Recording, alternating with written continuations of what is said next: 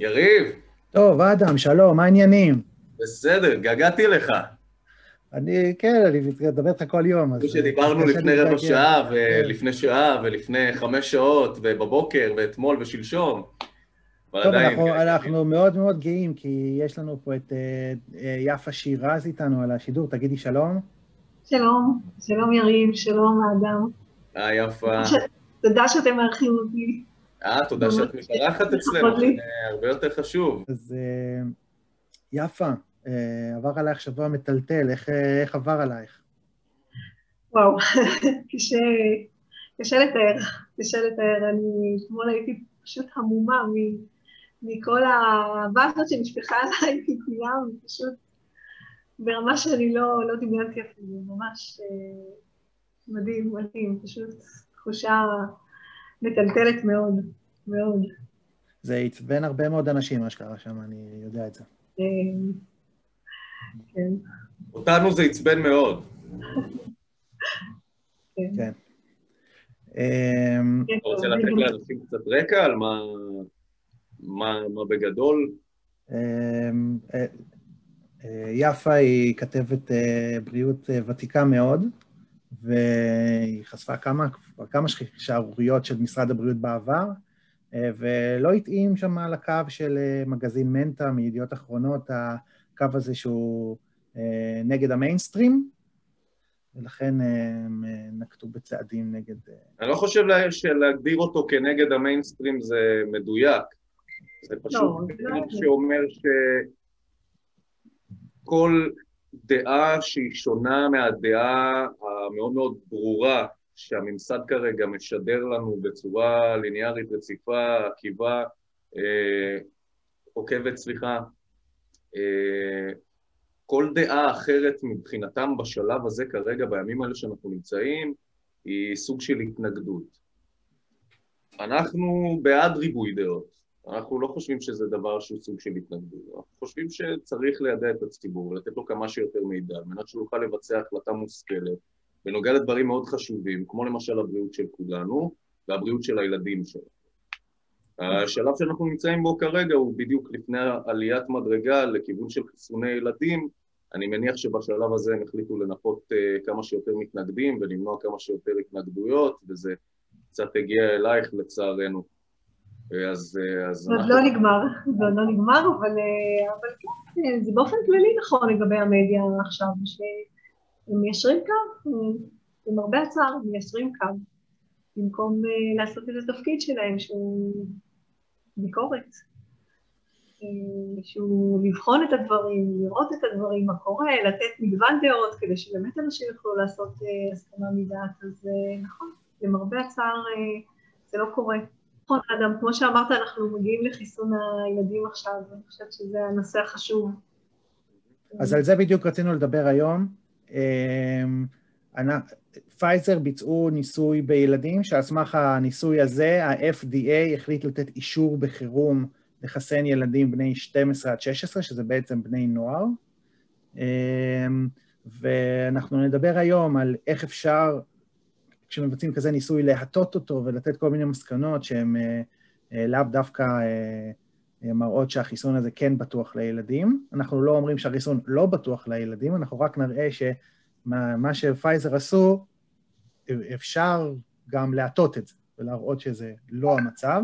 אני רק אזכיר, לפני שיפה מתחילה לספר לנו, עשינו בעבר כמה מקטעים על חיסוני הילדים, הראינו במספרים של משרד הבריאות, הראינו את זה, שאין טעם לחסן ילדים כי הקורונה לא הורגת ילדים, היא לא מסוכנת לילדים, היא לא מדבקת במערכת החינוך, היא לא מדביקה או מדבקת יותר ממבוגרים, כל מיני שקרים שהעבירו לנו, הכל פשוט לא נכון, על סמך נתוני משרד הבריאות, עשינו על זה קטע, אתם מוזמנים לראות, והראינו גם בקטע על תופעות הלוואי, שהוועדה של תופעות הלוואי, בדלקת קרום הלב, כותבת שם למטה, זה כתוב שם למטה, שיש לציין שיכול להיות שנראה את זאת גם בחיסונים בגילאים 12 עד 15. זה רשום שם במפורש, ודיברנו על זה בפעם הקודמת. נכון. אז עכשיו אנחנו רוצים לדבר על הניסוי עצמו שפייזר ביצעו. יפה, אולי תציגי לנו את עצמך, שנכיר אותך קצת לכל מי שלא מכיר, מה, ההכשרה הפורמלית שלך, מאיפה את מגיעה, פחות או יותר ככה בקצרה, שאנשים יבינו עם מי אנחנו מדברים אה, בסופו של דבר. תודה, אדם. אז אני אה, חוקרת תקשורת סיכונים בבריאות, שזה אומר לחקור מצבים של סיכון כמו מגיפות למשל, כמו מחלות זיהומיות, כמו סיכונים אחרים כמו סיגריות או זיהום אוויר או הפלרה. אז אה, זה תחום המחקר שלי, ופוסט-דוקטורט אה, שלי עשיתי בנושא של אה, תקשורת מגפות, זה היה בעקבות מגפת, מה שהוכרז כמגפת שפעת החזירים, ובדיעבד כונה על ידי הפרלמנט האירופאי, המגפה שמעולם לא הייתה. אה, אז אה, כן, אז הנושא הזה הוא... אנחנו זוכרים את התמונות של אנשים עם המסכות, מסתובבים, ממש את אותם הדברים שאנחנו רואים היום. נכון, נכון. אז אה, כן. אני רואה את השקופית הזאת ואני רוצה להגיד שבאמת הרבה מחקרים כבר הראו שילדים הם לא המנוע של המגפה, ולכן אין שום סיבה באמת לחסן ילדים מכאן. קורונה לא הורגת ילדים, היא לא מסוכנת לילדים, בדיוק כמו שכתוב כאן, ו- וילדים לא, לא מדביקים, אבל גם עוד משהו אני רוצה להגיד, ילדים לא אמורים אה, להגן על ההורים שלהם ולא על הסבא והסבתא שלהם. מישהו פה קצת התבלבל, אה, אנחנו אלו שאמורים באמת להגן עליהם. אנחנו ההורים, הסבים, הסבתות, אנחנו אמורים להגן עליהם ולא, ולא ההפך. אנחנו נעשה אה, פרק שלם בדיוק על הנרטיב הספציפי הזה, שהוא בעצם הסיבה היחידה שבגינה הם מציגים לנו את, ה, את הצורך לחסן ילדים, כי כל יתר הסיבות הן פשוט לא, לא, אין, אין שום אחיזה במציאות מבחינתם. זה הנרטיב היחיד שהם הצליחו למצוא, שאיכשהו מסביר את ההיגיון אה, בחיסון של ילדים. אנחנו נשבור ונפרק לרסיסים את הנרטיב הזה, אני אעשה את זה כבר בפרק הבא, החומרים כבר מוכנים, התחקיר כבר בוצע, ואנחנו נגיש לכם אותו בצורה, אני פשוט רוצה לערוך אותו בצורה הכי מדויקת שאפשר, כדי פשוט לשבור אותו לחלוטין. ואנחנו נעשה את זה בפרק הבא. אני רוצה להגיד לאור השקופית הזאת, אה, משרד הבריאות כבר, אה, פרופסור דרור מבורך, הם טוענים שהם יושבים על זה כבר, אני לא יודעת, כבר יותר משלושה חודשים, על השאלה של דלקת בקרום הלב או בשריר הלב בצעירים. יש פה סוג של, אה, אפשר לקרוא לזה הטעיה, כיוון שמשרד הבריאות יכול בלחיצת כפתור, אנחנו מתגאים, אה, ישראל, ביבי נתניהו התגאה בעובדה שישראל היא זאת שקיבלה את חיסוני הקורונה, למה? בגלל שיש לנו את הטכנולוגיה המתקדמת ביותר בעולם בקופות החולים. אה, אז הוא יכול בלחיצת כפתור לדעת כמה אנשים צעירים עם דלקת בקרום הלב ובשריר הלב יש. ולצורך העניין גם כמה אנשים עם דימומים יש, כמה התקפי לב יש, כמה, כל תופעת לוואי אחרת, שבץ מוחי, כל תופעת לוואי הם יכלו לדעת בלחיצת כפתור. אז גם את התופעה הזו... מה? תקני אותי אם אני טועה, בהסכם של פייזר עם ממשלת ישראל הם מחויבים לדווח על כל סוגי תופעות נכון. הלוואי שהם ימצאו. נכון. אז אני יכולה להגיד לכם, אם יש לנו זמן, אז אולי אני אספר את זה, ש... יש אה, מקרה שהגיע לוועדת החקירה האזרחית, אה, של ילד בן 16 שסבל מכריש דם אה, מאוד גדול בשורש כף היד. מיד לאחר החיסון, כמה ימים לאחר החיסון, הוא אושפז בבית חולים הדסה, ושבועיים ניסו לטפל בו באופן קונבנציונלי, זה לא כל כך הלך, ואז אה, הכניסו אותו לניתוח חירום, ונאלצו להוציא לו את הכריש. אה, עכשיו הוא בבית, אבל הוא עדיין אה, מטופל. במכתב השחרור של הילד נכתב ש-COVID-19 related, suspected, זאת אומרת חשד לתופעת לוואי של, של חיסון הקורונה, COVID-19 מקסים. ואף על פי כן, כאשר קודם כל ניסינו לפרסם, את ה... להעביר את הסיפור הזה למדיה, יש לנו מסמכים, אה, שמדברים בעד עצמם, יש את תמונות של הילד, אה, אימא של הילד הייתה, כבר חיכתה ליד הטלפון, מוכנה להתראיין, אותו כתב שפנינו אליו לא הסכים, בסופו של דבר לא הסכים לעשות את הראיון. הדסה היום מתכחשת... הדסה זה, הדסה זה פרופסור דרור מבורך, אם מי שלא יודע.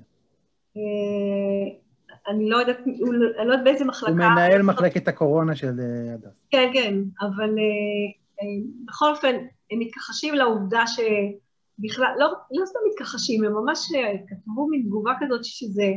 הופכים את העובדה. fake news,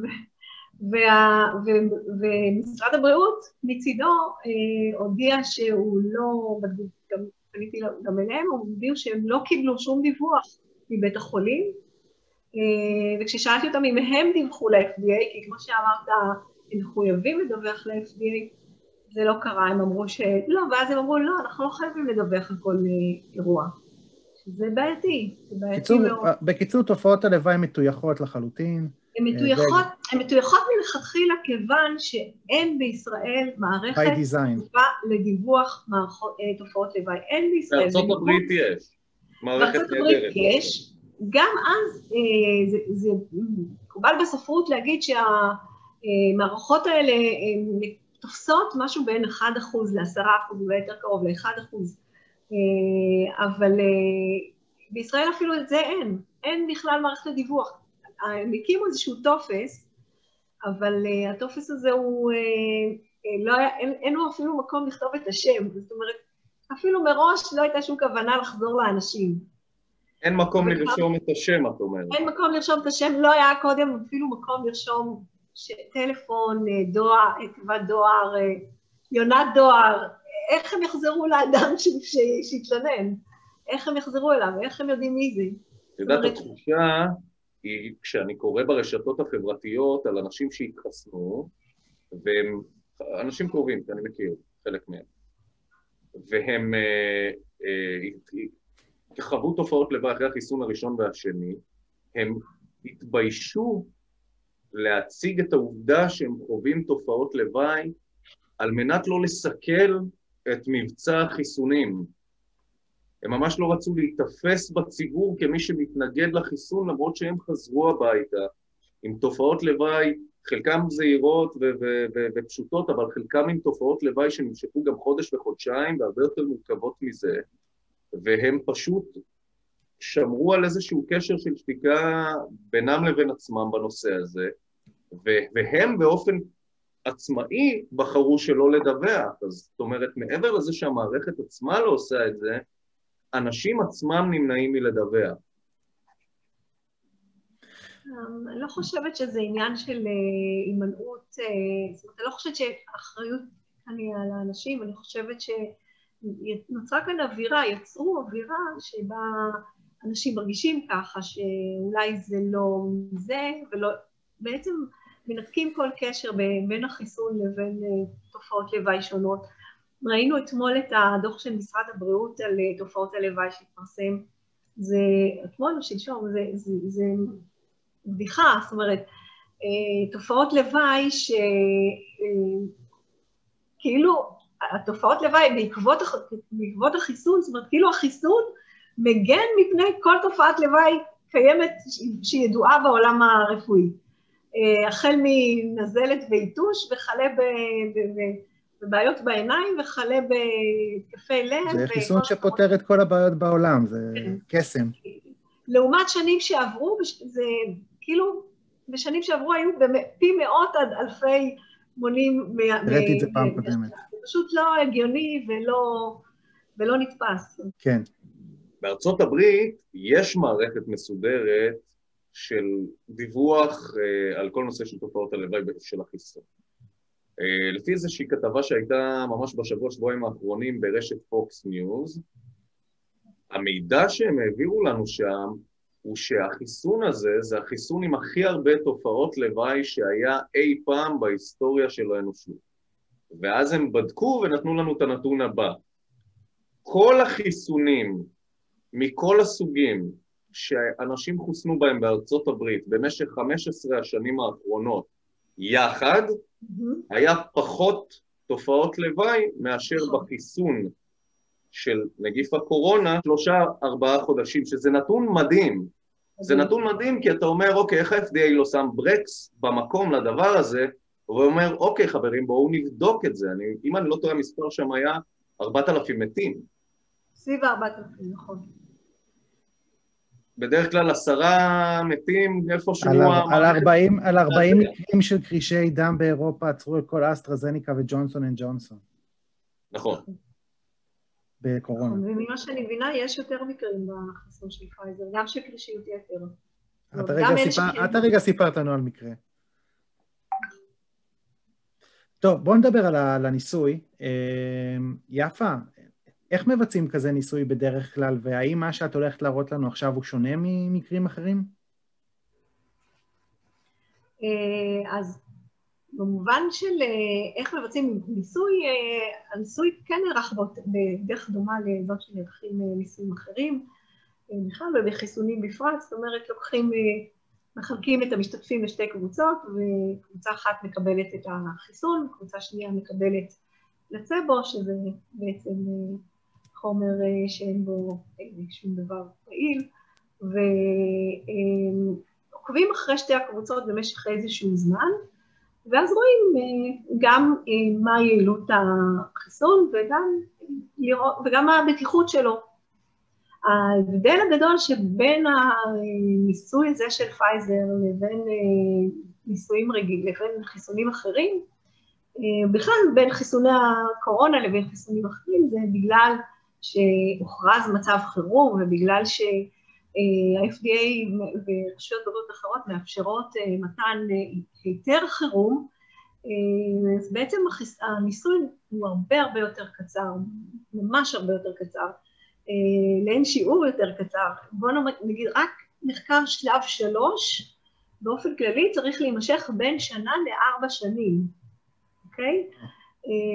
וגם, אגב, גם כמות הילדים במחקרי חיסונים היא, היא בדרך כלל יותר גדולה, אפילו מהמחקר הזה של פייזר, היו בו 1,130 ילדים, תכף נראה את זה בקבוצת... תכף נראה את המספרים.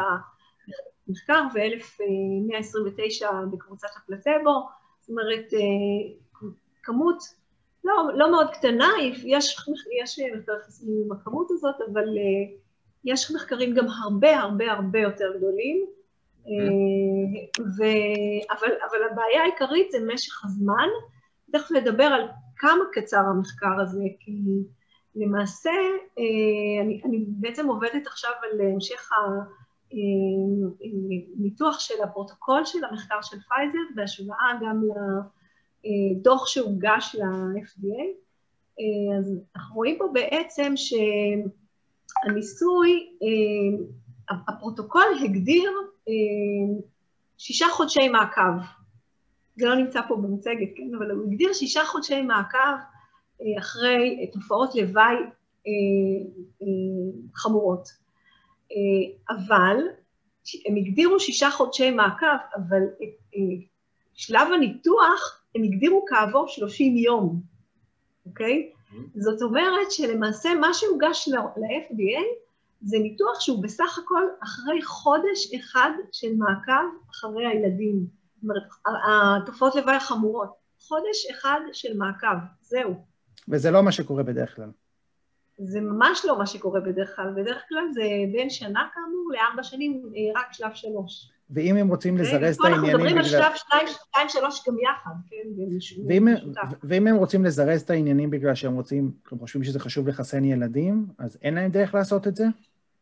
אז חזרנו לשקופית הקודמת, שאמרנו שאין אה, מצב חירום בילדים. אם היה מצב חירום. הם טוענים, אז נגיד, אז נגיד שמישהו יטען שהרציונל שלהם זה שצריך לחסן ילדים. Okay. אוקיי. אז האם יש להם דרך... אה... לקצר את זה לחודשיים, או שזה לא בלתי מתקבל על הדעת? זה בלתי מתקבל על הדעת במצב שבו לילדים אה, אין סיכון, אין סיכון כי, מהמחלה, כי אה, סעיף 6 בקוד אלסינקי אומר שאסור אה, לתת אה, בניסוי טיפול שהוא חמור, שהוא מסוכן יותר מהמחלה עצמה. ולמעשה זה, זה המצב כאן, אנחנו נותנים, אפילו הניסוי עצמו הוא בעייתי. ניסוי כשלעצמו הוא בעייתי כי אתה נותן בעצם טיפול רפואי שהוא מסוכן לילדים, במצב של הילדים הוא מסוכן להם מהמחלה עצמה. רגע, אני אדייק, אני אדייק את זה רגע, את אומרת, כי זו נקודה מעניינת, את אומרת שלפי ועדת הלסינקי, אסור לתת חיסון שהוא יותר מסוכן מהמחלה. אבל היות ואנחנו יודעים שהמחלה היא לא מסוכנת, סביר להניח שהחיסון יוסיף סיכון. נכון, זאת אומרת שממילא הטיפול, לא משנה אם במקרה הזה חיסון, הוא מסוכן יותר מאשר המחלה, כי המחלה לא מסוכנת לילדים, וזה כבר נקבע בהרבה מאוד מחקרים. Mm-hmm. זה, זה עובר, בעצם אפילו עצם הניסוי עובר על קוד הלסינקי. זאת אה, בעיה מאוד רצינית.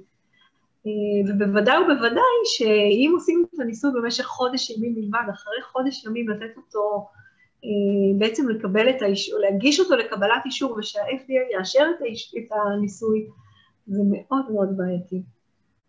יאללה, אז בואי נתחיל. אז אלה המקורות מידע שב, ש, שעומדים לרשותנו, נכון? בניתוח? אוקיי. בבקשה. אוקיי. אז מה שאנחנו רואים כאן זה שבעצם אה, היה שיעור אה, גבוה של אה, תופעות לוואי חמורות. כמו שאמרתי, 1,131 ילדים קיבלו את החיסון של פייזר, ובקבוצת הביקורת היו 1,129 ילדים. מה שנמצא זה שבקבוצת החיסון, בקבוצה של הילדים שקיבלו את החיסון, היו למעשה ארבעה ילדים שסבלו מתופעות לוואי חמורות, ובקבוצה של הפלצבו היה אה, ילד אחד.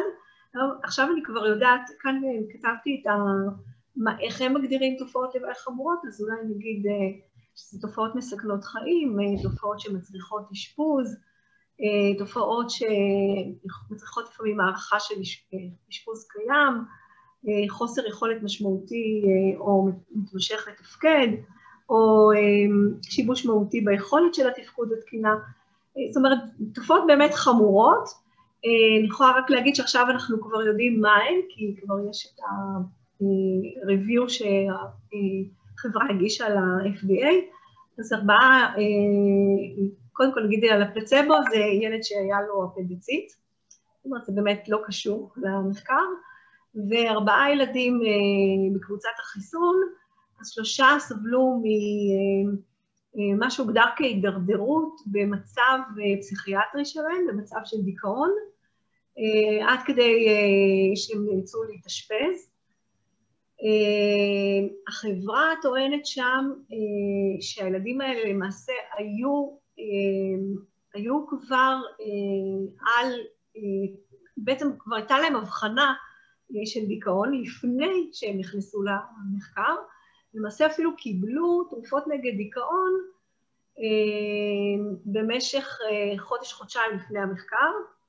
אה, ואז כאילו הם אומרים, אוקיי, אז תרופות נגד דיכאון, אנחנו יודעים שהן עלולות לגרום למחשבות אובדניות. על הדרך מגלים לנו שלילדים היו מחשבות אובדניות ככל הנראה. אז א', מחשבות אובדניות בתרופות פסיכיאטריות באמת ידועות, אבל הן קורות אה, רק ב, ממש בשבועות הראשונים, אה, בטח לא אחרי כמה חודשים, אחרי חודשיים, אה, אחרת זה כבר נחשב לכישלון בטיפול ועוברים טיפול. אבל חשוב מזה, נשאלת השאלה מה בכלל עשו ילדים עם בעיות פסיכיאטריות בניסוי. ואז הלכתי לפרוטוקול ובדקתי, כי זכרתי טוב מאוד, שכותרת המחקר הייתה Healthy Individuals, וילדים עם בעיה אה, של דיכאון שמטופלים בתרופות מקבוצת ה-SSRI, תרופות נגד דיכאון, אה, אף זה לא שכיח בקרב ילדים אגב להיות מטופלים בתרופות האלה, אה, אז שאלתי את עצמי איך הם נכנסו לשם, ואכן מסתבר שבפרוטוקול עצמו יש סעיף שנקרא Exclusion Criteria, שזה אה, מי לא יכול להשתתף במחקר, ומתברר שלמעשה אה, אה, משתתפים עם בעיה פסיכיאטרית לא אמורים היו להיות במחקר, אז זאת אומרת שהם גם הפרו את הפרוטוקול של עצמם, שזה מדהים. ש... שזה לא נהוג לעשות כזה דבר. שזה אסור למעשה, כן. אה, זה מאוד בעייתי. עכשיו, זה גם, עכשיו את... זה גם אומר, הם, הם אומרים בעצמם, בפרוטוקול הם מגדירים למה זה אסור שיהיו שם ילדים עם בעיה פסיכיאטרית, בגלל שזה בעצם מגביר את הסיכון שלהם, כי אולי גם החיסון יכול לגרום להם לאיזושהי, לאיזושהי בעיה של דיכאון, ואז זה יחמיר את מצבם, מה שבפועל קרה. אה, אז אה, בעצם זה אומר שהחברה הייתה מוכנה לסכן את הילדים, וזה אומר על האתיקה שלה, כן? אז איך אנחנו יודעים שסעיפים אחרים לא הופרו למשל? יש לי שאלה נוספת. כן. יש הבדל בין אדם מבוגר לבין ילד. בטח בשנים אה, הראשונות לחייו, בוא נגיד אה, עד גיל שש. מה, מה בעצם ההבדל המשמעותי בין חיסון ילדים לבין חיסון של מבוגרים? איפה ההבדל? מה, מה הנקודה שבה אנחנו אה, רואים את הרגישות יתר שם? נכון, זאת שאלה מצוינת, כי ילדים הם לא מבוגרים קטנים, זה לא מבוגרים ששוקלים מעט, שאפשר פשוט להגיד, אוקיי, זה, יש, יש הבדלים איכותיים בין ילדים למבוגרים, גם הבדלים בהתפתחות, יש מערכות שהן מתפתחות בצורה מסוימת בגיל מסוים, אי אפשר להשוות. אז כן, זה בהחלט, אי אפשר להתייחס לילדים כאילו, אה, אוקיי, עכשיו נעבור לילדים. ו... אגב, עוד משהו שהוא, שאלת על, על, על איך נעשים מחקרים בדרך כלל, אז באופן כללי, אף פעם לא עוברים לחיסון ילדים לפני שחיסון המבוגרים מאושר וניתן בהרחבה למבוגרים. Mm-hmm. ופה אנחנו, אומנם הוא ניתן בהרחבה, אבל אין אישור לחיסון של המבוגרים עדיין למעשה. מדהים. החיסון של המבוגרים לא אושר, ולכן גם הנקודה הזאת חשובה שלא עוברים לשלב הבא עדיין, לא היו אמורים לעבור בכלל לשלב. כן. עכשיו, ואת אומרת ש, שגם בניסוי הזה, שאנחנו לא בטוחים שהוא לא מוטה, גם לפי הנתונים האלה, אנחנו נראה 2,000-3,000 תופעות לוואי חמורות בישראל, אצל ילדים, אם ניתן את החיסון לכל האוכלוסייה. נכון, כי למעשה מה, ש... מה שאנחנו רואים כאן, זאת אה, במילים אחרות עלייה, גידול של בין 300 ל-400 אחוזים בתופעות לוואי רציניות, וזה רק עד חודש אחרי מנת החיסון השנייה. מה קורה בטווח הארוך אנחנו למעשה לא יודעים. אז אה, אם אנחנו נעשה אקסטרפולציה לכמה ילדים יש אה, בגיל הזה בישראל, אם זה 0.9, או סליחה, אם זה אולי 700 אלף, אז נניח... לפי, לפי הלמ"ס, לפי הלמ"ס, מה שאני בדקתי, בין גיל 12 לגיל 15, זה בערך 900 אלף ילדים, אבל אה, ראיתי, אלף, ראיתי גם מספרים של 600 אלף, כשמישהו פרסם 600 אלף, 500 אלף, אני לא יודע מה... לפי אוקיי. הלמ"ס שאני ראיתי זה 900 אלף, אולי אני טועה. אפשר להגיד שזה בין 2,000 ל-3,000 בערך, סביב 2,000 ל-3,000 ילדים. אלפים, באלפים. לפי, רק לפי הנתונים האלה. זה תופעות לוואי חמורות, חמורות. זה תופעות לוואי חמורות, אנחנו לא מדברים על התופעות הרגילות, כן. ואיך זה, והדבר הבא זה על איך זה בהשוואה למבוגרים, סליחה. איך זה בהשוואה למבוגרים? אז באמת במבוגרים ההבדל היה הרבה יותר קטן, במבוגרים 0.5 אה, אחוז לעומת 0.4 אחוז ממקבלי הפלצבו. שזה הבדל אה, עצום. פה אנחנו מדברים על גידול של בין 300 ל-400 אחוזים בילדים, אז אה, כן. אז מצאו יותר תופעות, כאילו מצאו יותר תופעות לוואי בקבוצה של החיסון מאשר בקבוצה של הפלצבו, בניסוי של הילדים לעומת הניסוי של המבוגרים. נכון. זאת אומרת שאין נכון. ההבדל בין קבוצת הניסוי לקבוצת הפלצבו בילדים הייתה הרבה יותר גדולה. וכשרואים, וכשרואים דבר כזה, מה, מה, מה אמורים לעשות? מה אמורים לעשות? כן, אם רואים כזה דבר בניסוי, ממשיכים את הניסוי בדרך כלל? מה, מה אמורים לעשות אם רואים כזה דבר? אמורים אה, לעשות חושבים מחדש. אה, עד כדי כך. מסלול מחדש אם יש אה, אחוז כל כך גבוה. או לכל הפחות אה, להמשיך את הניסוי. אמרנו, זה רק חודש ימים, אחרי חודש ימים זה כבר הוגש. אה, מה קורה עם שאר, מה קורה עם שאר הילדים, כן? אם הניסוי היה אמור להימשך בעצם אה, שישה חודשים, שזה מאוד מעט כאמור, זה צריך להיות בין שנה לארבע שנים, אז אם הניסוי היה אמור להימשך שישה חודשים לכל הפחות, והוא נמשך רק חודש אחד. המשמעות היא שהם פספסו, מן הסתם, הרבה מאוד ילדים או מקרים שבהם היו תופעות לוואי קשות, ושלא התגלו בחודש הראשון. אנחנו מדברים על תופעות לוואי שחלקן לא יכולות... את מדברת על תופעות לוואי שהן לא רק פסיכיאטריות, נכון? שואלים אותנו כאן. בוודאי. כן. זה כל מה שרשום נכון, פה למטה. נכון, יש מקרה של אה, ילד, הילד הנוסף בקבוצה הזאת שדיברתי עליו, שיש לו תופעת, תופעות לוואי מאוד מאוד חמורות, מאוד חמורות. אנחנו עוד אה, נחשוף את הסיפור הזה. אה, זה ילד שהצלחנו ליצור קשר עם ההורים שלו, אנחנו נחשוף את הסיפור הזה, סיפור מאוד... כן, ילד מארצות הברית. ילד מארצות הברית, אנחנו נחשוף את הסיפור הזה בהמשך. Okay. אוקיי. עבודה שאנחנו עושים בשיתוף מעניין. פעולה עם הרבה מאוד אנשים טובים. אה, אז אה, כן, אז יש, אה, יש גם תופעות לוואי אחרות שצריך לדבר עליהן. את חושבת על קנדה, שהייתה אמיצה מאוד, ואישרה את החיסון עוד לפני ה-FDA בעצם. אין, אין, אין הסבר, אין הסבר לזה. גם בישראל, גם בישראל רצו בינואר לאשר את זה. לפני ה-FDA. אני חושבת שתודות להרבה הרבה רופאים אמיצים פה, מחץ באמת, במיוחד, אה, שהשמיעו את קולם אה, בלי לפחד. אה, רופאים מדהימים. אני חושבת שהדבר הזה נמלא בישראל. אני לא מן הנמלא שהם היו עושים את זה אם לא היו הרופאים האלה עומדים ו... מסבירים ובאמת אה, מבהירים להם שזה מעשה שלא לא יעשה, שבאמת.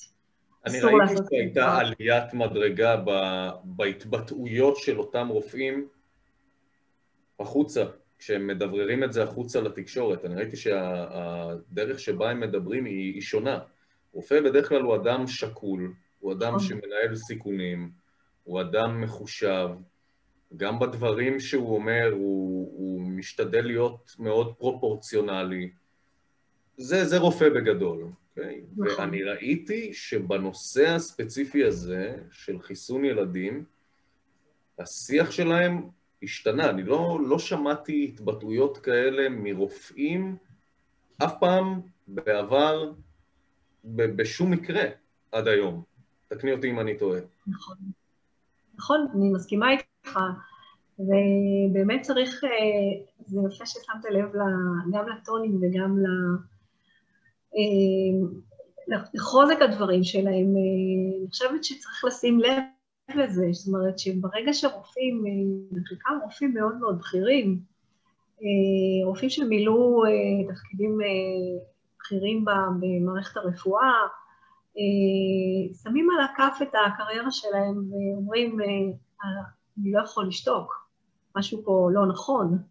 אז אני חושבת שצריך אה, להיות מאוד ערים לזה, שאני חושבת שזאת אה, נורה אדומה מאוד מאוד אה, חזקה אה, להורים.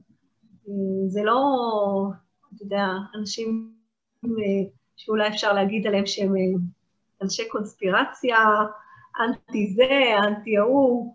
אה, מדובר פה באמת ברופאים מהמעלה הראשונה שקמו ואמרו עד כאן, כאן זה כבר לא רפואה, זה כבר, אה, יש פה שיקולים אחרים, ואנחנו לא מבינים מה קורה פה במערכת. רגע, עכשיו אם חוזרים, אם חוזרים לעניין הניסוי, אולי, אולי כל התופעות לוואי האלה זה, זה, שראו, זה לא קשור לחיסון? אין קשר סיבתי? טוב, ברור שאנחנו לא יכולים לקבוע שיש קשר סיבתי, אבל אה, מהצד השני, הטענה הזאת שאין, אה, כמו שכתוב כאן, כן, זה מה שכתוב ב-review,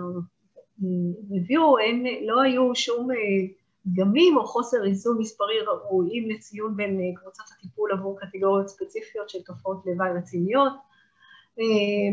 הטענה הזאת היא שכאילו לא זוהה קשר סיבתי בין החיסון לבין אף קטגוריה ספציפית של תופעת לוואי, טענה קצת, אה, רציתי להגיד עליה מצחיקה או עצובה, אבל אה, כל מי שקצת מבין בהעסקה סיבתית, ממספרים כל כך, כל כך קטנים, בהגדרה אי אפשר להסיק אה, מסקנות מובהקות, בין אם יש קשר או אין קשר בין החיסון אה, לבין תופעות לוואי.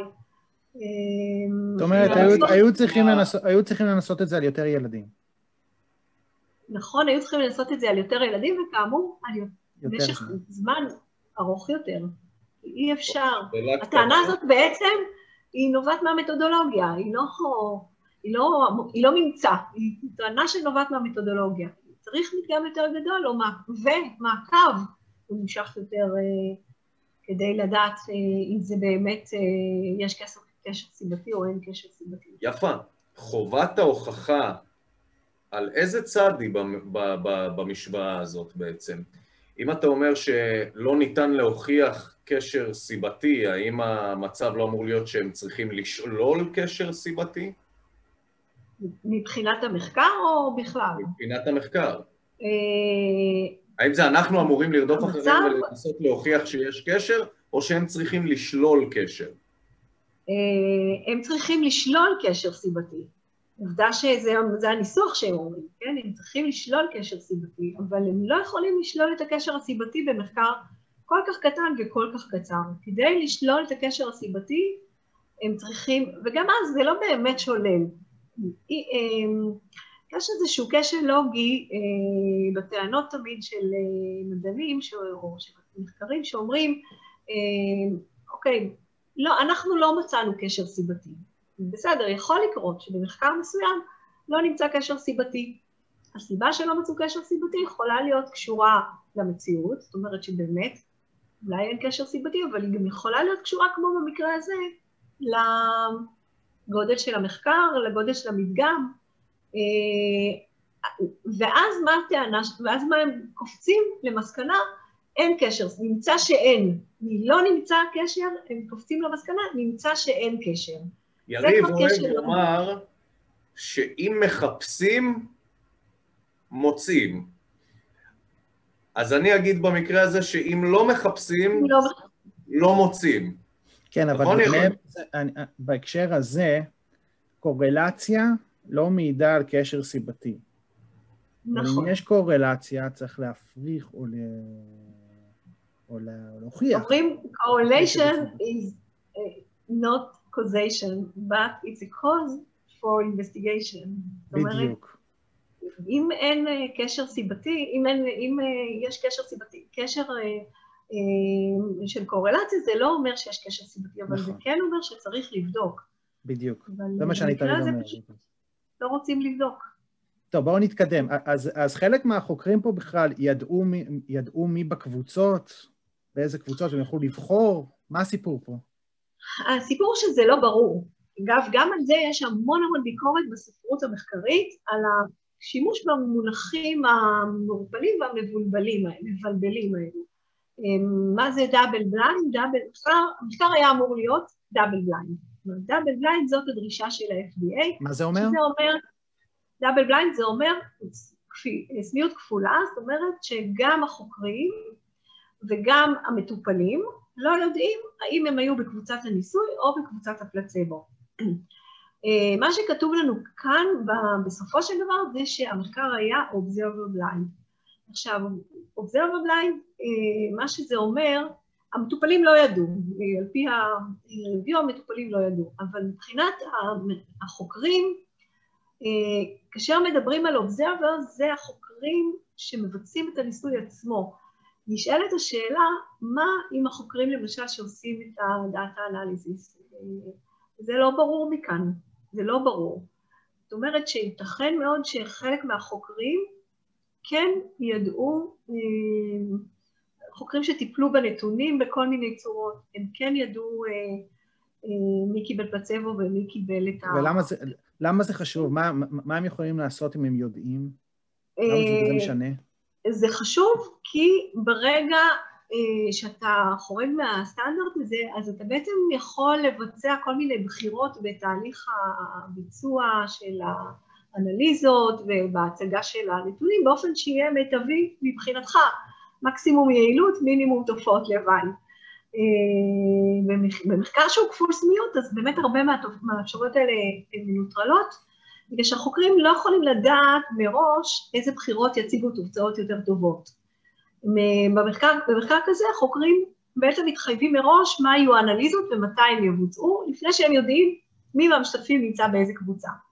לעומת זאת, במחקר הנוכחי, אה, הם יכלו למשל לבחור באיזה נקודת זמן אה, לקבל את הנתונים באופן שהם יראו הכי טוב, אוקיי? אה, אז העובדה הזאת יכולה להיות, יכולה להיות מאוד משמעותית מבחינת המסקנות שנובעות מהנתונים. כאמור, כשיש כל כך, כל כך מעט מקרים, אה, מאלה שחשוב למדוד, זאת אומרת, מקרי אה, קורונה חמורים מצד אחד, ומצד שני תופעות לוואי חמורות, אז כל שינוי של מקרה בודד לכאן או לכאן יכול ממש לשנות את התוצאות בצורה דרמטית. זה, זה חשוב. ומה, ואיזה עוד משחקים הם יכלו לעשות? שלא, ש... התוצאות? מה, מה, מה גילית שם שהם עשו, שיכול להיות שהם עשו? עם הטבלאות האלה?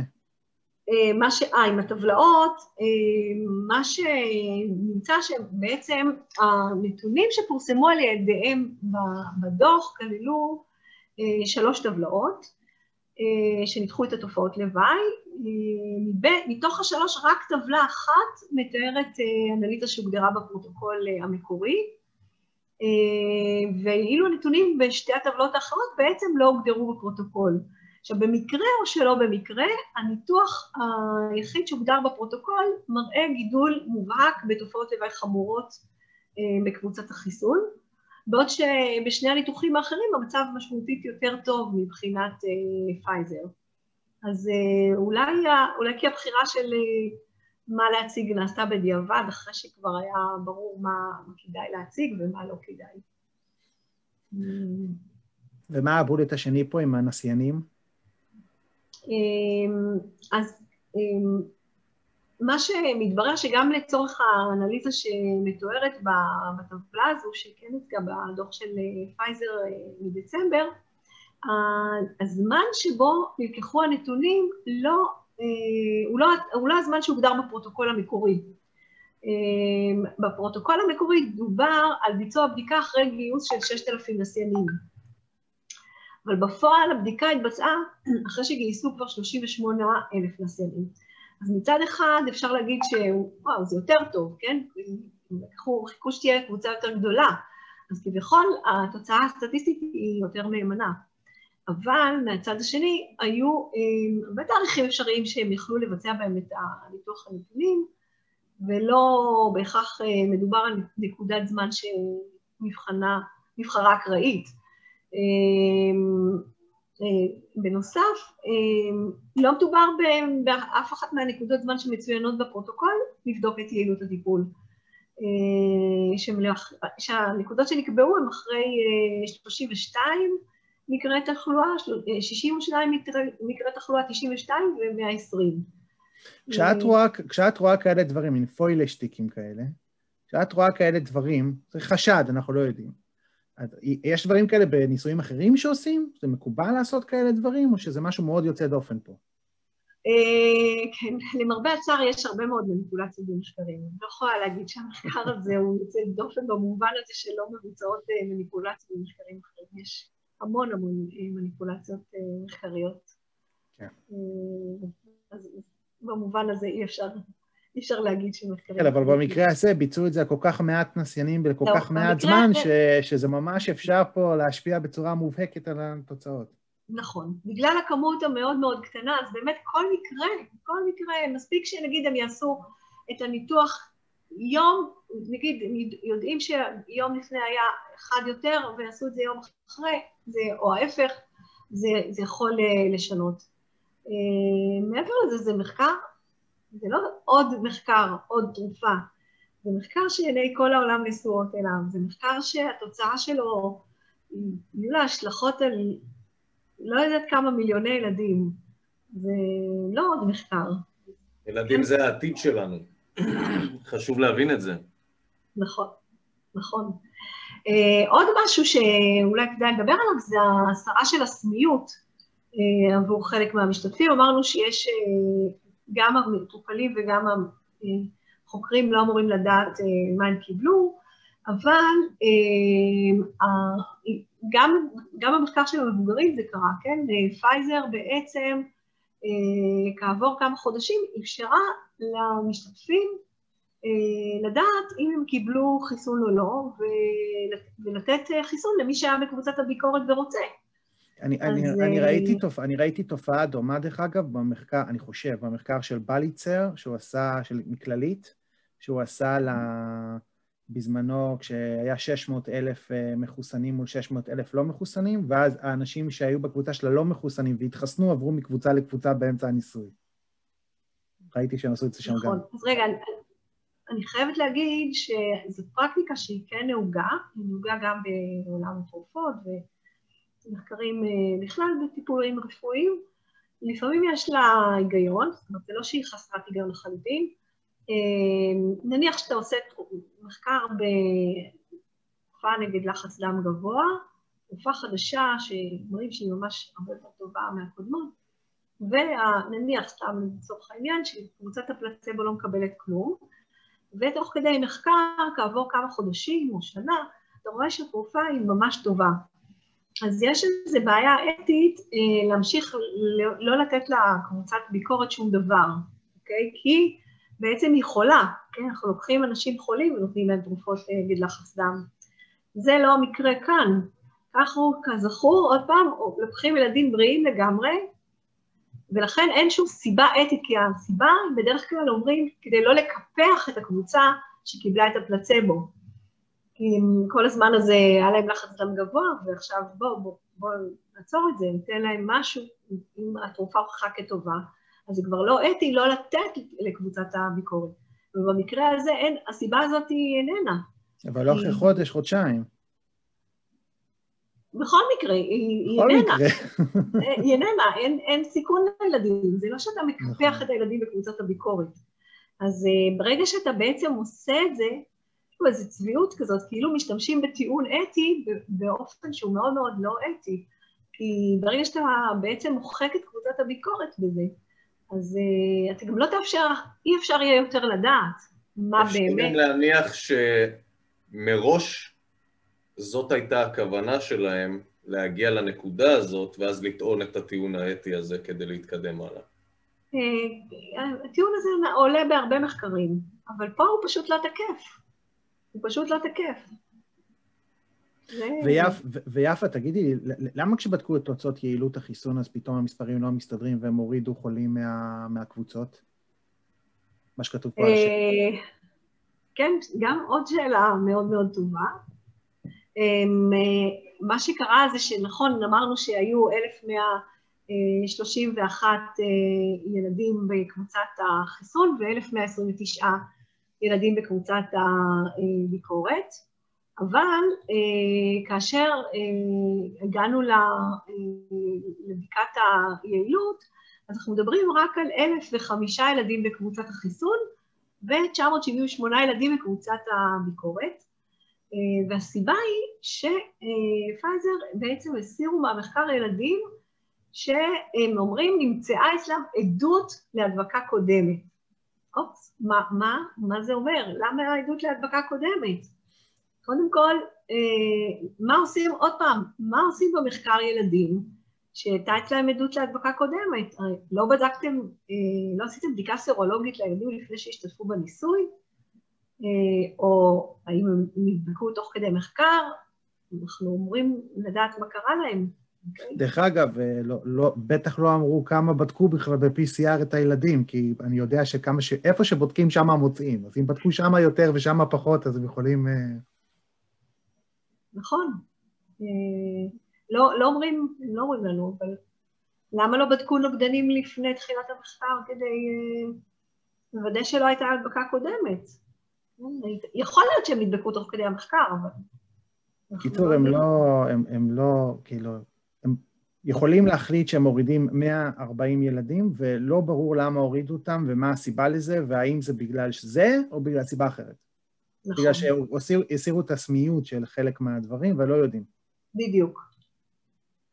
ועכשיו הדבר הכי מעניין, אה, מה זה יעילות יחסית ויעילות אה, אבסולוטית? קצת אה, סטטיסטיקה. אז אה, פייזר אוהבת להגיד אה, שהחיסון שלה בילדים היה לו 100 אחוזי הצלחה, ממש פנצע, פרח לב הזהב. אבל למעשה, טוב, אם אנחנו נתעלם מהעובדה ש... 100 אחוז יעילות בילדים, מה, זה, מה המשמעות של זה? בואו נשאל קודם, מה המשמעות של 100 אחוז יעילות בילדים בכלל? הרי אמרנו שקודם שהילדים לא חולים, אז מה המשמעות של אה, תחלואה, אה, להיות אה, חיובי במטוש? איפה... המערכת החיסונית שלהם נותנת להם הגנה של 100 אחוז. בדיוק. לא יודעת אם אחוז, אם לכולם מאה אחוז, אבל המערכת החיסונית שלנו... תשע, תשע, שמונה... כן, בדיוק, קרוב למאה, קרוב מאוד. הראיתי שהסיכויים לתחלואה קשה בקרב ילדים זה 0.002 אחוז. זו נכון. תחלואה קשה לפי הנתונים של משרד הבריאות, שאני גם להם לא מאמין. נכון. אז אה, כן. אז מה זה אומר 100 אחוז יעילות? איך אפשר בכלל למדוד את זה? אה, אבל אה, מעבר לזה אנחנו מדברים על אה, יעילות שהיא 100 אחוז, מדברים על יעילות שהיא בעצם יעילות יחסית. היעילות היחסית אומנם באמת נראית מאוד מאוד מרשימה, אבל היא בכלל לא רלוונטית למטופלים או, או לרופאים שלהם כדי לקבל החלטות. מה, איך מחשבים את זה? אז ההפחתה היחסית בסיכון היא בעצם חישוב שלוקח בחשבון את ההפחתה בסיכון של קבוצת החיסון, חלקי קבוצת הפלצבו, לעומת זאת ההפחתה שחשובה לנו, ההפחתה המוחלטת בסיכון, היא ההפחתה בסיכון של קבוצת החיסון פחות קבוצת הפלצבו. אז אם אנחנו מתייחסים למדד שממש חשוב לנו, שזה ההפחתה המוחלטת, אז בעצם אנחנו רואים שהוא בסך הכל 1.6 אחוז, שזה נשמע הרבה פחות מרשים מה-100 אחוז שהחברה ומשרד הבריאות אה, מוכרים לנו. לא, ואז... אבל, אבל אפשר לשאול שאלה בתור דבילס אדבוקייט, אפס נשמע מספר פנומנלי, לא? אפס. כאילו, אפס. אבל, אבל האפס הזה הוא, בגלל שאנחנו בעצם עושים את החישוב אה, ההפחתה, הסיכון של קבוצת הסיכון, החיסון חלקי הסיכון של קבוצת הפלצבו, זאת אומרת שזה לא משנה גם אם היה לנו אה, משתתף אחד או היה לנו חמשת אלפים משתתפים, זה עדיין היה אפס, אוקיי? אז ההפחתה היחסית לא אומרת שום דבר, מה שחשוב לנו זה ההפחתה המוחלטת, הסיכון המוחלט. אוקיי? והסיכון המוחלט הוא זעום עדיין, הוא היה זעום, כמו שחשבת קודם, והוא נשאר זעום, אוקיי? אז אה, כן, אז נשאלת השאלה אם אנחנו... זאת אומרת, הוא קצת פחות זעום עם החיסון. נכון, נכון, אבל הוא עדיין, אבל הוא עדיין זעום. הוא נכון. עדיין ממש זעום. בחישוב שלי, על הילד הפרטי שלי, 1.6 אחוז, או, זה בטח לא 100 אחוז, כן? זה בטח לא מרשים כמו 100 אחוז. אבל שוב, אנחנו צריכים לשים אה, את הדברים על... אה, יש לנו כאן שתי כפות מאזניים כל הזמן, יש לנו את ה... כשהם אמרו, כשהם אמרו שהחיסון יעיל במבוגרים ב-95 אחוז, זה הטריק שהם עשו גם שם? בדיוק, בדיוק אותו טריק. וחישבתם מה הייתה היעילות האבסולוטית שמה? חישבנו, גם שם הייתה מאוד קטנה, אבל קצת יותר גדולה, נדמה לי שלוש נקודה משהו. הבנתי. כן, אז כן, אבל גם שם היה אפילו מאמר אה, ביקורת על הזה. זה ששקללתם גם את האוכלוסייה מעל 70 בטח, מעל גיל 70. אה, לא, החישוב היה במחקר עצמו, כן. Mm. החישוב היה לגבי המחקר עצמו. אז אה, כן. אז שוב, אנחנו אומרים, צריך לשים את זה על, על כף המאזניים, גם ה-1.6% הזה, אז א', הוא אה, צריך, מהצד השני, אתה, אתה עצמך אמרת עכשיו מה הנתון אה, של הסיכון לתחלואה, ל, כן, לתחלואה, אז, אה, אז אה, צריך לשים את זה על המאזניים מול הסיכון מה, מהחיסון עצמו. לא, כן, הסיכון לתחלואה קשה היה 0.002 אחוז בישראל, 0.2, תחלואה חמורה. 0.3, אבל אוקיי. פה זה סיכוי להי- להימצא חיובי בבדיקה. בדיוק. הסיכ... לא, אבל אני אומרת שצריך לשים על כף המאזניים גם את הסיכון מהחיסון עצמו, שאמרנו שהוא 0.4 אחוז. זה כבר הרבה יותר גבוה מ-0.02, וגם מ-1, גם ב-1.6 להיות חיובי במטוש, זה... מה זה אומר? מה המשמעות של זה, להיות חיובי במטוש? אם אין uh, תסמינים ורוב הילדים לא חולים, או חולים במדינה, מאוד במדינת קל, ישראל בערך 300 אלף ילדים עד גיל 16 היו חיוביים בבדיקה, ומספר החולים קשה היה, הראיתי את זה פעם קודמת, אני חושב שזה היה סביב ה-150, ולפי משרד הבריאות. זה לפי משרד הבריאות. ולפי, אה, מי, מי עשה את הכתבה הזאת, שמצא שבעצם ה... אה, 90 אחוז מהילדים שהוגדרו כחולים קשים, למעשה היה להם אפנדצית או נפלו כן, כן. אני, אני אעלה את הסרטון הזה אחרי זה לטלגרם שלנו. כן, הייתה כן. כתבת שאני לא זוכר אה, מי זאת הייתה, שאמרה ש... שהחולים קשה, שמשרד הבריאות אמר שהם חולים קשה, ילדים הם לא היו חולים קשה מקורונה. הם היו חולים קשה, אבל לא מקורונה. נכון, בדיוק. אז כשהם מגיעים לבית חולים, פשוט בודקים אותם. יש לי עוד שאלה.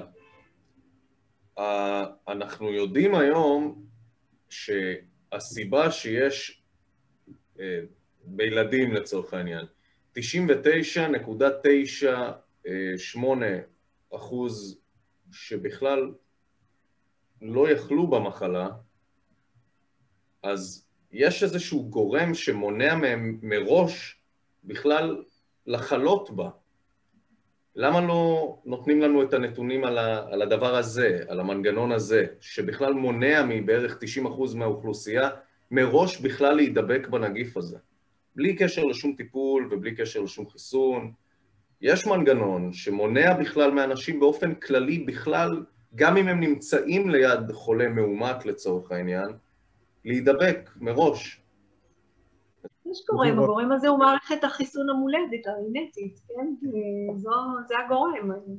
ילדים יש להם מערכת חיסון שהיא עדיין חזקה ויכולה להשמיד או לעכב אה, חדירה של אה, נגיפים, או לעכב לפחות אה, הידבקות אה, במחלה קשה. ובוודאי שיש גורם, מתעלמים מזה, פשוט אה, מתעלמים, מנסים להתעלם מזה ולטעון אה, שהילדים כן יכולים לח- לחלות קשה. אה, הנתון הזה פשוט לא נכון. ולמה הם עקבו, לא עקבו אחרי כל הילדים?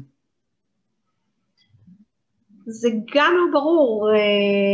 אה, בהודעה, ההודעה של ה-FDA לא, לא כל כך ברורה, כי הם אה, כתבו שם שהם עקבו אחרי אה, יותר ממחצית מהילדים למעלה מחודשיים. הייתה סתומה כזאת ולא ברורה. קודם כל, בריוויו עצמו כתוב שהם עקבו חודש. המעקב של התופעות לוואי היה חודש בסך הכל, אז לא, לא, זה לא ברור בכלל מה הם אומרים כאן, אה, מעקב של למעלה מחודשיים, וגם אם, אוקיי, נגיד שזה נכון, למעלה מחודשיים אחרי מחצית מהילדים, אז לא כל כך ברור מפה מה, איך החליטו אחרי איזה ילדים לעקוב, איזה השמיטו, אולי השמיטו ילדים שהיה להם תופעות לוואי, אה, נגיד חמורות אחרי חודש וחצי, מה שבאמת קרה בסופו של דבר, כי הסיבה היא שהם, כמו שאמרתי בהתחלה, הם באמת הגדירו בפרוטוקול משך זמן מעקב של שישה חודשים.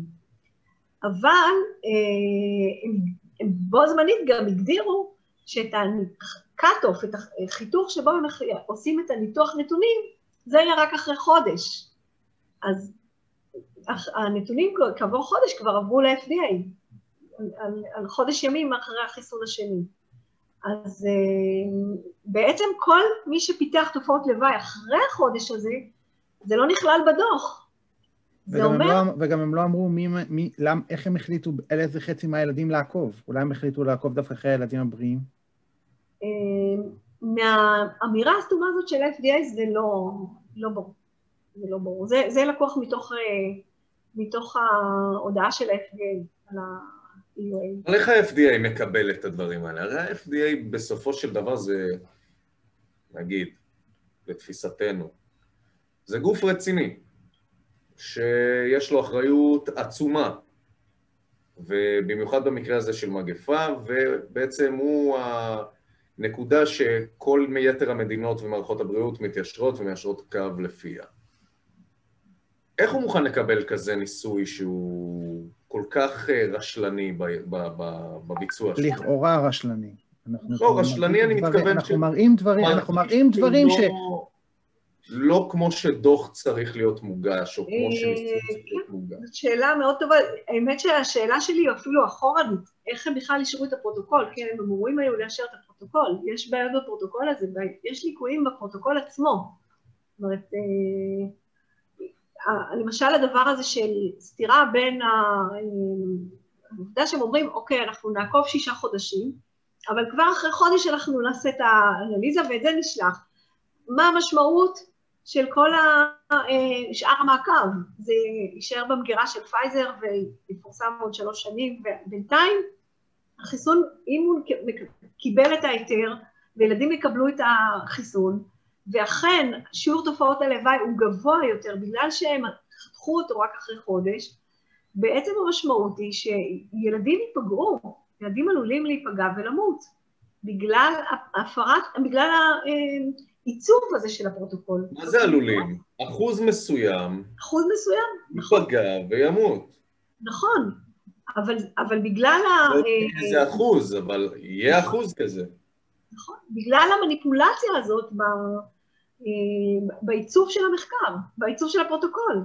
אז השאלה שלי עוד, עוד לפני זה, איך בכלל הם אישרו פרוטוקול כזה? כן, שאלה, שאלת מיליון הדולר. אה, תגידי, מה, מה זה ביקורת עמיתים, ובדרך כלל הדברים האלה מפורסמים בכתבי עת מדעיים? את כתבת שזה הפתיע אותך שלא היה פה. לא, אה, המחקר עוד לא פורסם.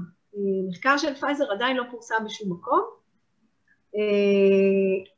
כאשר חוקרים רוצים לקבל, לפרסם מאמר על המחקר שלהם באיזשהו כתב עת מקצועי, אז יש שופטים שהם בעצם עמיתים, כן, גם הם חוקרים מאותו תחום, שבודקים את המחקר ומעבירים עליו ביקורת, כן, ואם יש, לפעמים מחזירים להם אותו לביקורת, לתיקון, לפעמים אומרים, לא, אי אפשר לפרסם את המחקר הזה. ונהוג לעשות את זה לפני שה-FDA מאשר?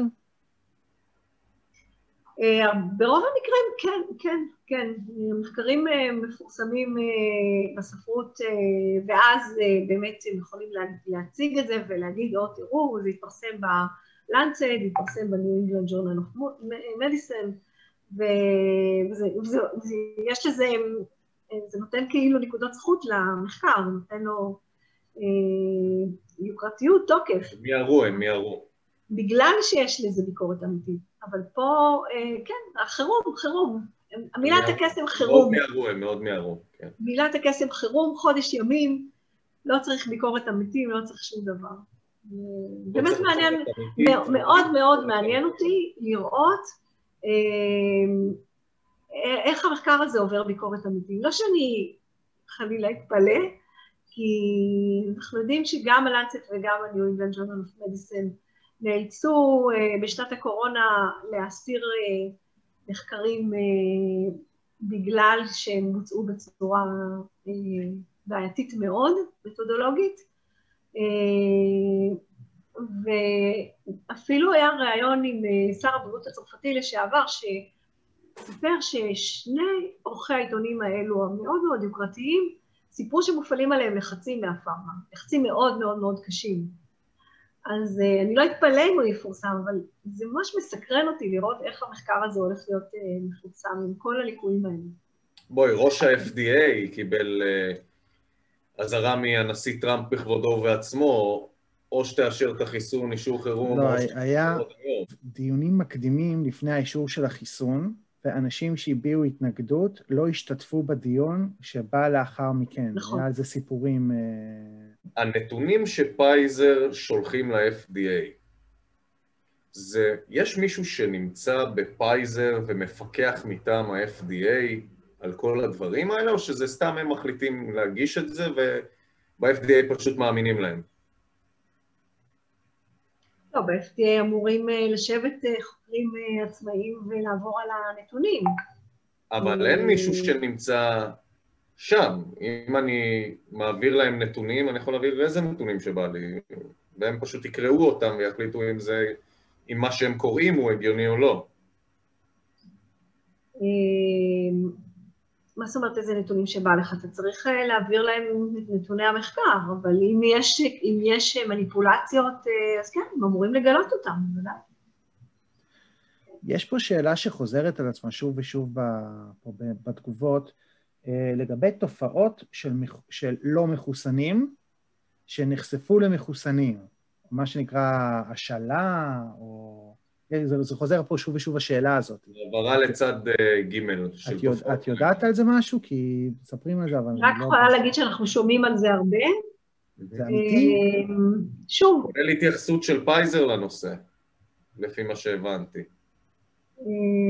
לא, זה, זה אני לא יודעת. זה אבל... דווח, אה, זה לא המקור הכי אמין, אבל זה דווח והוצג שם ממסמך של פייזר באינפורס, לפי מה שאני ראיתי פעם אחרונה. אה, נכון, היה איזה משפט, באמת, היה איזה משפט שבו הם אמרו שזה יכול לקרות. אה, אנחנו שומעים על דיווחים, אבל אנחנו שוב, קשה מאוד מאוד לדעת, כי כתבתי פעם, שהתחושה היא שאנחנו משחקים, אה, יש משחק שנקרא חמור עיוור, או פרה עיוורת, סליחה, באנגלית זה נקרא פין דה דונקי, אתה שם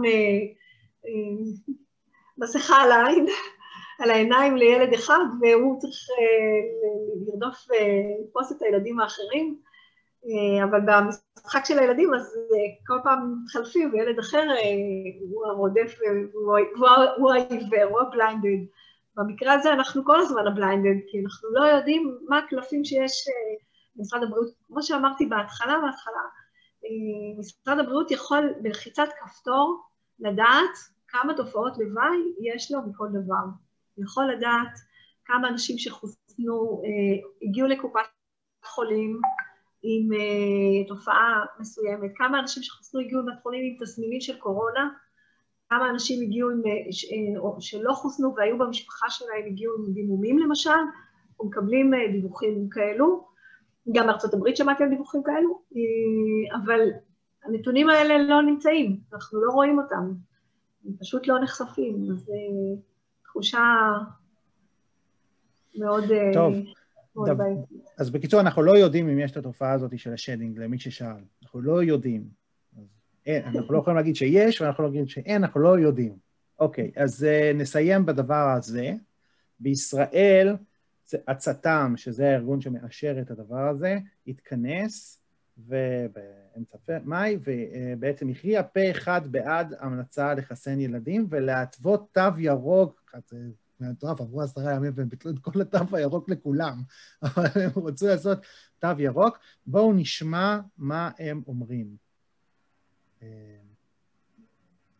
מה הם אמרו שם? זה שתי דקות. ערכתי את זה, קיצרתי.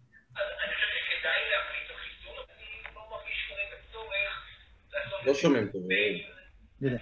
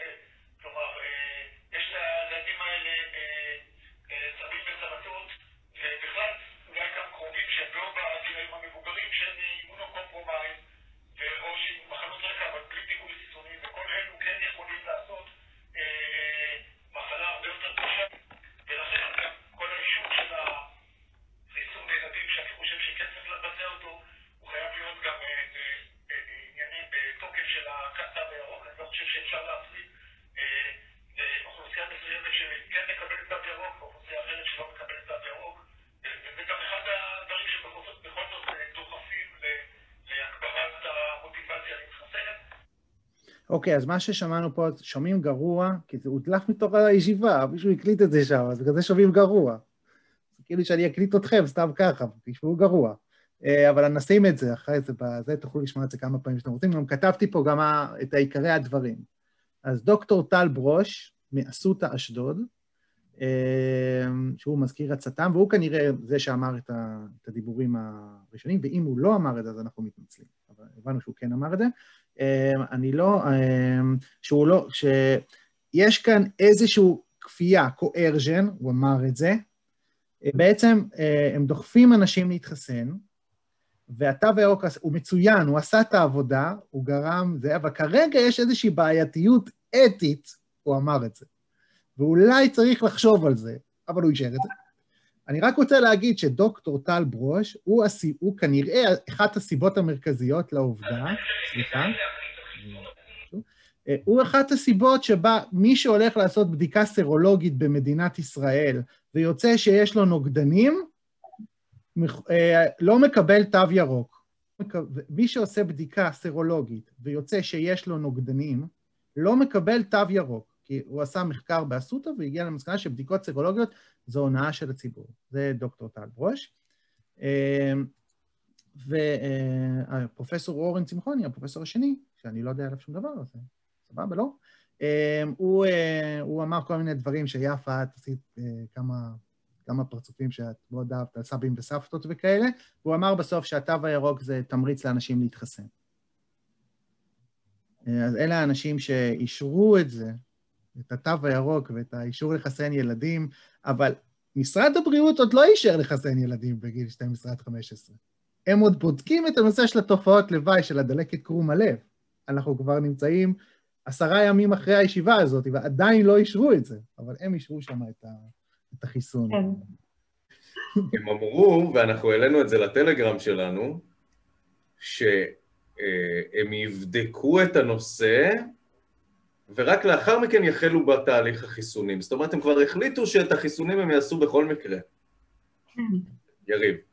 כן, כן, החליטו שהם ייתנו אותם. רק uh, עכשיו בודקים uh, את מה שהם לא מצאו עד עכשיו. הם, הם לא הצליח להם היד על הכפתור ללחוץ ולדעת כמה מקרים של אה, דלקת בקרום הלב יש. הם בודקים כמה זה יסבך אותם, וידאגו להגיע למצב שהם יסתבכו פחות, ואז הם יחסנו, הכל בסדר. כן. טוב, יפה, הערת סיכום שלך? הערת סיכום, אה, הערת סיכום שלי זה אולי להורים. אה, תחשבו תחשבו הרבה, הרבה מאוד פעמים אה, לפני שאתם אה, מחליטים אם לאשר לילד שלכם, לאפשר לילד שלכם להתחסן. אני הייתי ממליצה להמתין, אני, אני לא רופאה, אני, אני חייבת גילוי נאות, לא רופאה, אבל כל הרופאים, המון המון רופאים שבדקו את הנושא, גם בארץ וגם בעולם, ו...